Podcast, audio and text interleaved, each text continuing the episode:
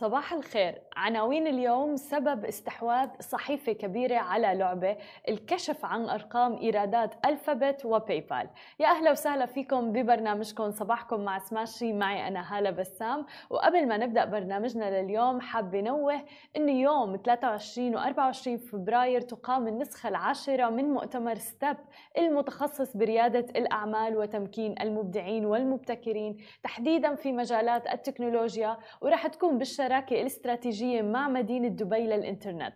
ويقام هذا الحدث بمشاركة أكثر من 400 شركة تقنية عالمية ناشئة ورح يكون في جدول حافل جدا بورش العمل وأيضا الجلسات النقاشية اللي رح تتناول موضوعات بارزة جدا ومهمة. ورح يكون في speakers كتير مثل مثلا إلي حبيب من أنغامي بول من أمازون وأيضا العديد من الشركات الناشئة مثل Tabby Kitopi وغيرها. ورح يكون في موضوعات بارزة جدا رح نحكي فيها اللي هي عن تحولات كبرى في عالم التكنولوجيا والاقتصاد بشكل عام ومنها رح يكون أيضا أكيد موضوع الرموز الغير قابل للاستبدال ال NFT وأيضا الويب 3 والعملات المشفرة بالإضافة أيضا إلى التقنيات المالية، نحن سعيدين جدا بإنه رح نكون الشريك الإعلامي لهذا الحدث الضخم، فخلينا نشوفكم كلكم هنيك وللتفاصيل أكثر عن آه، مؤتمر Step فيكم تتابعون على الموقع. تزوروا موقعهم www.dubai.com stepconference.com أما إذا بدنا نحكي عن أخبارنا لليوم فنبدأ بأول خبر معنا.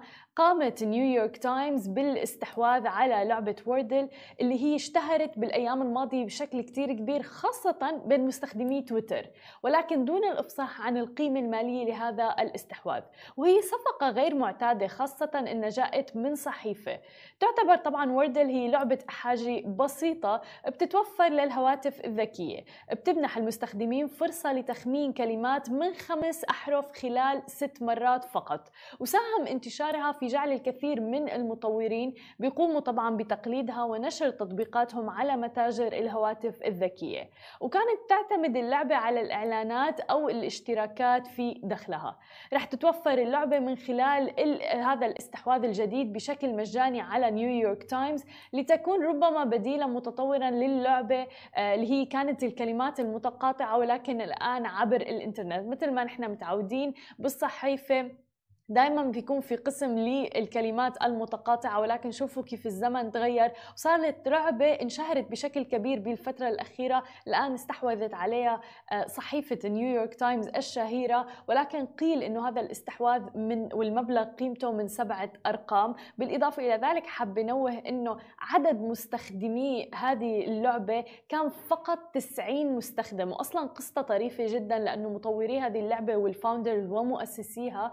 آه، كانوا فقط عم بيلعبوها مع آه، أهلهم وأصدقائهم. وبدأت فعلا ب 90 user آه، فقط ومستخدم. الآن وصلت إلى أكثر من 300 ألف مستخدم وهذا في غضون شهرين فقط. يعني ارتفاع ضخم جدا. ومثل ما شفنا هذا آه، الانشهار لهذه اللعبة أدى إلى طبعا هذه الشهرة أدت إلى أنه نيويورك تايمز تقوم بالاستحواذ على هذه اللعبة. أما إذا بدنا نحكي عن الإيرادات وتحديدا شركة ألفابت. سجلت ألفابت اللي هي الشركة الأم لجوجل أرباح وعائدات أفضل من المتوقع في الربع الرابع من عامها المالي. وأعلنت الشركة أيضا عن تجزئة أسهم بقيمة 20 مقابل واحد واللي رح تدخل حيز التنفيذ في يوليو. ووصلت أيضا للسهم الواحد 30.69 دولار مقابل 27.34 دولار متوقعة فيما سجلت الإيرادات 75.33 مليار دولار مقابل مقابل 72.17 مليار دولار متوقعة. وباغتت عائدات الإعلانات يوتيوب تحديدا نحو 8.63 مليار دولار مقابل 8.87 مليار دولار متوقعة. أنتم متخيلين؟ يعني عائدات إعلانات يوتيوب فقط وصلت لأكثر من 8 مليار دولار. فيما وصلت عائدات Google Cloud لحالها تقريبا 5.54 مليار دولار مقابل 5.47 44 كانوا متوقعينها من الشركة. وسجلت ألفابت نموا في الإيرادات بنسبة 32% مما يثبت مرة أخرى أنها كانت قادرة على تحمل ضغوط الوباء وأيضا التضخم.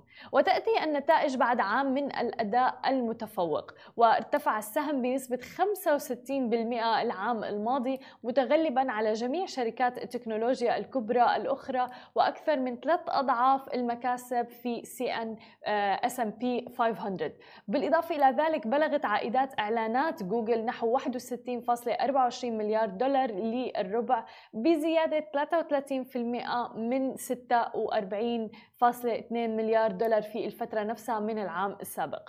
واتبعت ألفابت تحركات أبل وتسلا في العامين الماضيين في موضوع تجزئة الأسهم تحديدا. هي خطوة التجزئة هي خطوة تعتبر وتقوم بها الشركات غالبا لما بيتم تداول أسهمها بآلاف الدولارات.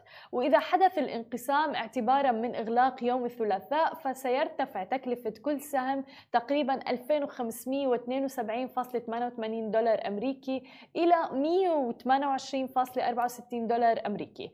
ورح يحصل كل مالك حاليا على 19 سهم إضافي لكل سهم يمتلكه. وبدأت أسهم ألفابت العام في تدهور حاد حيث انخفضت بنسبة 6.6% في يناير مع نفاذ أسهم الشركات التكنولوجيا في وول ستريت أما إذا بدنا ننتقل إلى آخر خبر معنا لليوم أيضا نحكي عن الإيرادات ولكن إيرادات شركة باي بال أعلنت باي بال عن أرباح متضاربة للربع الرابع من عام 2021 يوم الثلاثاء الماضي وقدمت توجيهات للربع التالي لم ترق إلى مستوى تقديرات المحللين. وبتتوقع الشركة أن تبلغ أرباح السهم في الربع الأول 87 سنت تقريبا يعني أقل من 1.16 دولار اللي كانوا عم بيتوقعها المحللين. ووصلت ربحية السهم إلى 1.11 دولار لكل سهم مقابل 1.12 دولار للسهم. والإيرادات بلغت 6.92 مليار دولار مقابل 6.87 مليار دولار كانت متوقعة. وبتتوقع الشركة أن تبلغ أرباح السهم في الربع الأول 87 سنتا أي أقل من 1.16 دولار اللي توقعها المحللون. وبتتوقع أيضا باي بال أن تنمو الإيرادات بنسبة بتتراوح ما بين 15 و 17% في إيرادات عام 2022 بالكامل. هذا كله على أساس فوري وحيادي للعملات الأجنبية. توقع أيضا المحللون نمو الإيرادات على أساس سنوي لعام 2022 ليكون 17.9% وقال أيضا الرئيس التنفيذي لشركة باي بال أن الشركة اتخذت نهج محسوب لتوجيهاتها هذا العام كما ألقى باللوم على العوامل الخارجية مثل التضخم اللي تؤثر على الإنفاق بين بعض أجزاء قاعدة مستخدمي باي بال تحديدا هذه كانت كل أخبارنا الصباحية لليوم خليكم معنا مقابلتنا مع مؤسس Simplifi علي ستار حكينا فيها عن ال card system وال platform الخاصة فيهم تابعوا المقابلة And we're back with our guest Ali Sattar, CEO and founder of Simplify. Welcome to the show, Ali. Thank you, Hala. Uh, first of all, if you can give us a brief about Simplify, uh, the services you guys provide. Sure. So Simplify is a financial technology company, uh, fintech as, as people call it. Um, it's a B2B, which means that we serve clients and customers are uh, businesses. And these, these businesses could be startups, it could be SMEs, it could be multinationals, it could be large companies, even governments. So what we do is we enable these businesses to issue payment cards, a Visa card, a MasterCard card, just like a card that you use every day, right? It's the same sort of card, but it is used by businesses to digitize their own business expenses. That's amazing. But my question is why would people use those cards, not the regular bank cards that we get? Yeah, let me let me give you some examples of these use cases. So let's say an airline has to pay its staff, uh, you know, the crew members who are flying all over, right? So a crew member goes to Riyadh and they have to pay, I don't know, $100 per night for per diem, right? For for their out-of-pocket expenses. And then that a crew member goes to Europe and they have to pay 150 euros and so on. Now the airline can issue these cards and push money into these cards for their crew members to use $100, you know, in Riyadh for the next three days. Then in Europe, they go after two weeks, they spend 150 euros. So the company, the airline can push money in as they want, when they want, control the expenses and say, look, this money cannot be used in, in these locations. You cannot go and spend money online and so on. So if you're issuing cards as a business and you control, you have all these controls, that makes it very, very powerful. Because today these cards are really consumer cards that banks issue, not businesses issuing cards for their own B2B expenses. And if you can imagine, there'll be so many expenses and so many different use cases that businesses have, uh, which makes it very powerful. That's exactly what I wanted to ask. Since you started the business till now, and especially with the startup scene in the MENA region, um, how what's the effect of uh, Simplify on it? Yeah, it's a good question. So we're still a startup. We're building uh, the infrastructure. So what we're doing is really democratizing uh, card issuance, as we call it, right? Mm-hmm. So if you look in your purse, in your bag, uh, in your wallet, you'll see cards, Visa, MasterCard cards. They all have a bank logo. They're all issued by banks. Now, what we're doing is we're enabling businesses to issue cards, but doing all that in a compliant and secure manner, right? It's a regulated product. We have to get approvals from the central banks. We have to work with banks and other ecosystem partners, which is why it takes time to build the infrastructure. So we have built the infrastructure over the last uh, year and a half, and we are in the process of launching in multiple markets now with different clients. And we're back with our guest, Ali Sattar, CEO and founder of Simplify. Welcome to the show. It could be small businesses for expense management, petty cash, and so on. All that digitization will happen, you know, where a lot of cash is changing hands. We could start doing it through cards. So that's in markets like Pakistan and Egypt. And the next wave of banking penetration will happen through this infrastructure, or at least we will play a role in this, right? That's on one side. Second side is you know, UAE, Saudi, etc., where again there's a lot of cash happening, you know, uh, uh but people have cards. So we're digitizing more the B2B side, where the examples I gave you can be digitized at uh, in, a, in a very efficient manner, as opposed to going through you know clunky bank transfers, which take time and so on and so forth. And I think you guys play a role as well in spreading awareness about changing the behavior into the card system, right? Yeah, so look, I mean, today cards again are used for consumer payments. You go to the shop to buy a cup of coffee or you buy something online, and that's really what the cards are used for. But cards have a lot of use cases uh, to pay for pay salaries, commissions, uh, even cards for fueling for logistics companies. The cards can only be used at petrol stations. Um, for loyalty redemption, when you have loyalty points, you have to then convert them into money and use them. Yeah. You could not convert them into money on a card and then use that card, right? Um, buy now, pay later platforms are coming up um, that want to issue cards. Uh, grocery shopping, um, you know, food delivery, people like Talabat and Kareem and Deliveroo, they can facilitate those payments using cards. So, you know, there's an endless number of use cases if you can digitize those uh, B2B payments, which are not happening very efficiently, either cash or uh, where uh, the bank transfer system is just not is not just not the way to do it. And is there a limit on the card, for instance, or anything, or they can put as much as they want? Yeah, absolutely. So depending on the use case and who's funding the card, if it's a B2B payment, a business is funding it, then the limits would be naturally be a little bit higher.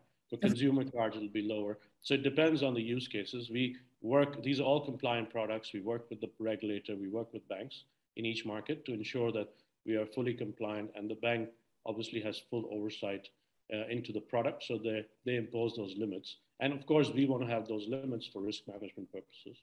Of course. Um, where uh, is there any like future plans for Simplify that you have in line for now? Yeah, so you know we are expanding very rapidly. Alhamdulillah, we're expanding in multiple markets. So we want to go live in at least five markets this year. Nice. Um, and we have a pipeline of a good number of clients, including some of the very large clients that you uh, or brands that you've heard of in the region. Uh, I can't reveal them, uh, but in, in, in, very, in due course, in, in, in a short period of time, you'll see uh, those cards out there in the market being used by people. So, uh, so yeah, you know, we want to go live in a few markets, at least five markets this year in the region, and continue to then expand different use cases in those markets that's really great. And also like everything is online on your platform like even the portal um, you can even manage the card status and all of those things online. Yeah that's the beauty of it right? So we give all the tools controls capabilities to the businesses to issue a card to um, activate a card as they want to block the cards to cancel the cards to change limits, to even have control. So you can even say, look, this card can only be used in, in Riyadh for the next three days, nice. uh, for example. Or this card can use, be used only between 6 p.m. and 9 p.m. You can make a lot oh. of these different controls, and that's the beauty of it, right? So if you are the one issuing that card and you have all those controls, then you can spin out so many different use cases and customize your product in how you want it, right? To meet your business needs. And this is not permanent uh, changes. You can change it every day or every hour, whatever you want, right? These controls can be changed of at course. will, yeah. which is which gives the power to to the business um, and, and makes it a lot more relevant. Exactly, and secure as well.